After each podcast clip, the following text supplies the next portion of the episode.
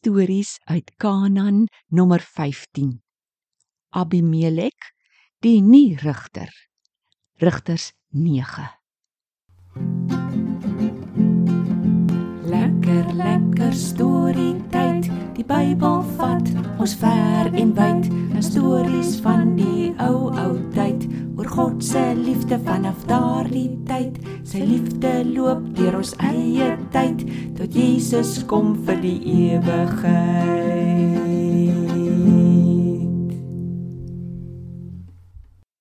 Hallo Tobias en maats.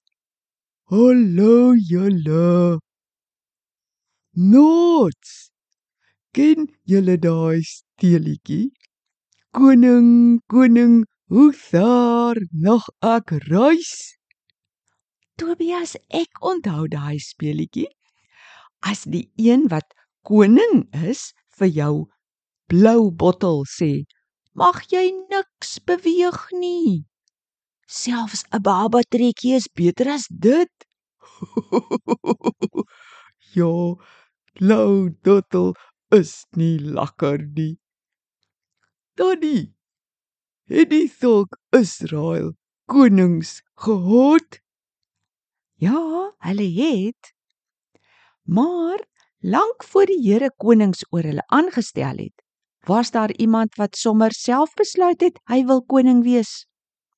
Ek wil hom sommer 'n kamma koning noem. Wie was dit, Daddy Karen? Julle onthou, ons het vertel dat die rigter Gideon 70 seuns gehad het. Maar daar was nog een, Abimelek. Hy was eintlik die seun van 'n byvrou. Miskien was sy ma een van Gideon se slavinne. Hy wou graag koning word. O nee. Nou, hoe sou hy dit doen? Sy ma was van die dorp Sichem. Dis daar waar Joshua 'n klip regop gesit het om die Israeliete te laat onthou dat hulle net vir God moet aanbid. Maar teen hierdie tyd was Gideon dood en die volk het die afgod Baal Berit aanbid. Abimelek gaan toe eendag na sy ma se mense in Sichem. Haai, leiers van Sichem. Wil julle oorheers waardeur die 70 seuns van Gideon? Is dit nie beter dat net een oor julle regeer nie? Iemand soos ek? Julle weet mos ek is een van julle. Die familie van Abimelek praat toe met die mense van Sichem en hulle sê goed, dis heeltemal reg want Abimelek is mos een van hulle. Toe word hy hulle koning. Tobias, hierdie is 'n baie hartseer storie. God het rigters gestuur om sy volk te red van hulle vyande. Abimelek was soort van 'n leier, maar hy was nie 'n rigter nie. Hy was bang dat een van sy baie broers dalk leier sou word. Toe doen hy 'n verskriklike ding. Met geld wat hy by die leiers van Sichem gekry het, het hy 'n klomp leegleers gaan huur. Dis mense wat lui was en nie eintlik iets goeds gedoen het nie. Hulle word toe sy volgelinge. Saam gaan hulle toe na sy pa se huis in Ofra. Daar vang hy al sy broers en maak hulle dood. Daddy. Maar hy was verskriklik wreed. Al sy broers. Net een, Jotam, het weggekruip. Die mense van Sichem het vir Abimelek gevat na die einste klip wat Joshua daar opgesit het en maak hom toe koning. Kan jy dit nou glo? Langs God se klip, maar hulle dien hom nie. Toe Jotam dit hoor, klim hy op Gerisimberg en skree vir Sichem. Sichem, kom luister na my storie. Op 'n dag wou die bome 'n koning hê. Hulle gaan toe na die olyfboom en wil hom koning maak. Die olyfboom sê toe nee, dankie. Hy wil liewer lekker olie vir die mense gee en wil nie rondgaan tussen die ander bome nie. Toe gaan hulle na die vyeboom. Die vyeboom wou ook nie koning wees nie, want hy wou voortgaan om lekker soet vye vir die mense te gee.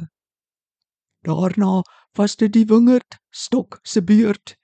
Ook hy het geantwoord dat hy liewer wyn vir die mense wil gee as om tussen die ander bome rond te gaan.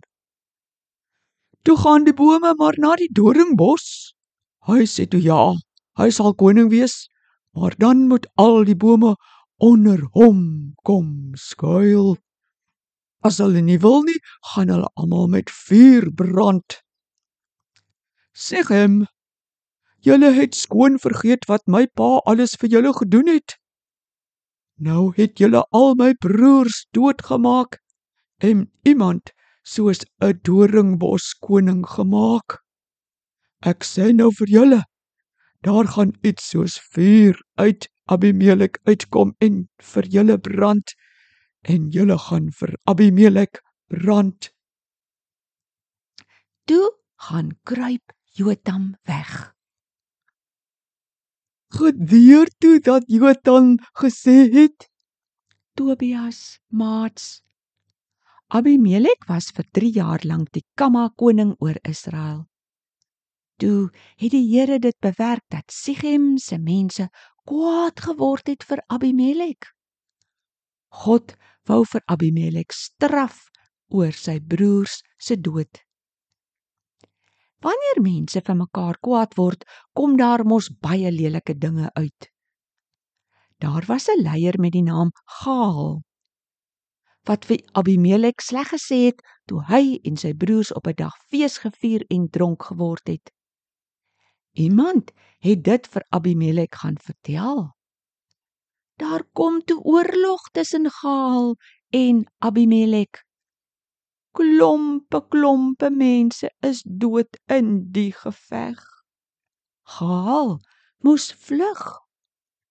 Op die ou end was Abimelek nou so kwaad dat hy en sy leegleers die stede Sichem, Migdol Sichem en Tebes gaan inneem het. Hy het die mense baie wreed doodgemaak. orde Donnie. Dan hou hulle toe op met veg. Tobias, die dag by die stad Tebes het al die mense in 'n sterk toring in hulle stad gaan wegkruip. Abimelek wil toe die toring se deur gaan brandsteek. Toe hy so by die deur kom, gryp 'n vrou bo op die toring 'n ronde steen waarmee sy gewoonlik haar koring fyn maal. Sy gooi dit toe af en dit val op Abimelek se kop. Hy vra toe die man wat sy wapens dra om hom maar gou dood te maak met sy swaard. Dat mense nie kan sê 'n vrou het hom doodgemaak nie. Toe Israel sien Abimelek is dood, gaan almal huis toe. Die storie van die dode het toe daar gedord.